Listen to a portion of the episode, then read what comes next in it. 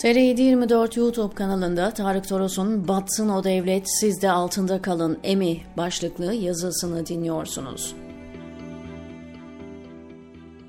İyi Parti kurucusu Altun Çıray 10 Kasım'da Flash TV'de aynen şöyle dedi. Sayın Akşener masadan kalktıktan sonra gizli olmayan bir ortamda resmi toplantı başlamadan önce ben devlete karşı son görevimi yaptım dedi masadan kalkmasıyla ilgili. İddianın üzerinden tam bir ay geçti. Özellikle bekledim. Ne Akşener ne İyi Parti sözcüsü ne de herhangi bir partili yalanlamadı. Aynı Altun Çıray'ın geçenlerde AKP ve İyi Parti İzmir için anlaştığı gibi bir iddiası olmuştu. Parti sözcüsü derhal yalanladı mesela bunu. Çıray, Akşener'e baş danışmanlık yapmış tecrübeli bir siyasetçi. Son seçimin ardından istifa etti öfkeli olabilir, lakin ağzından çıkanı kulağa duyar. Tabii Akşener bu cümle benim dese ayrı dert, demese ayrı. Onun için lafı ortada bırakmaktan başka çaresi yoktu. Burada mesela Akşener'de değil, konu bu ve benzer tiplerle temsil edilen muhalif siyasete toplumun uyanması. Kemal Kılıçdaroğlu helalleşme videosuyla Sadat'ın kapısına dayanarak filan fena bir kampanya götürmedi. Fakat jubilesi çok kötü oldu. Hele Ümit Özdağ'la yaptığı o protokol yok mu? Tabuta son çivi. Akşener geri kalır mı? Her gün sandalyesini tekmeliyor. Eski MİT müsteşarı Teoman Koma'nın talebesi olmakla övünen Meral Akşener. Muhalefet liderleri özellikle 2018-2023 iki seçim arasında KHK'lılara sahip çıkmıyorlar. Açık yüreklilikle mağduriyetlerin altını çizmiyorlar.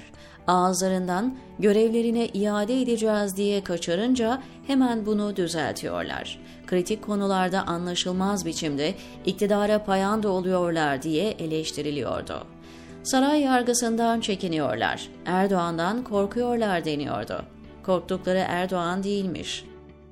Ben devlete karşı son görevimi yaptım. Kimse o devleti tutanlar onlarmış. Ne söz verdilerse artık. Görüldü ve görülüyor ki Erdoğan'ın iktidarda kalmak gibi özel bir çaba harcamasına gerek yok. 2014'ten bu tarafa birileri onun namına saha temizliğini yapıyor. Durum bu. Türkiye bu rejimde onlarca yıl geriye düştü. Fakirlik katlandı. Milyonlar terör soruşturması altında. Tutuklu ailelerine yardım edenler bile toplanıyor. Cezaevlerinde işkence ve kötü muamele sıradanlaştı. Umut tükenince intiharlar arttı. Basın susturuldu, aydınlar içeri tıkadı.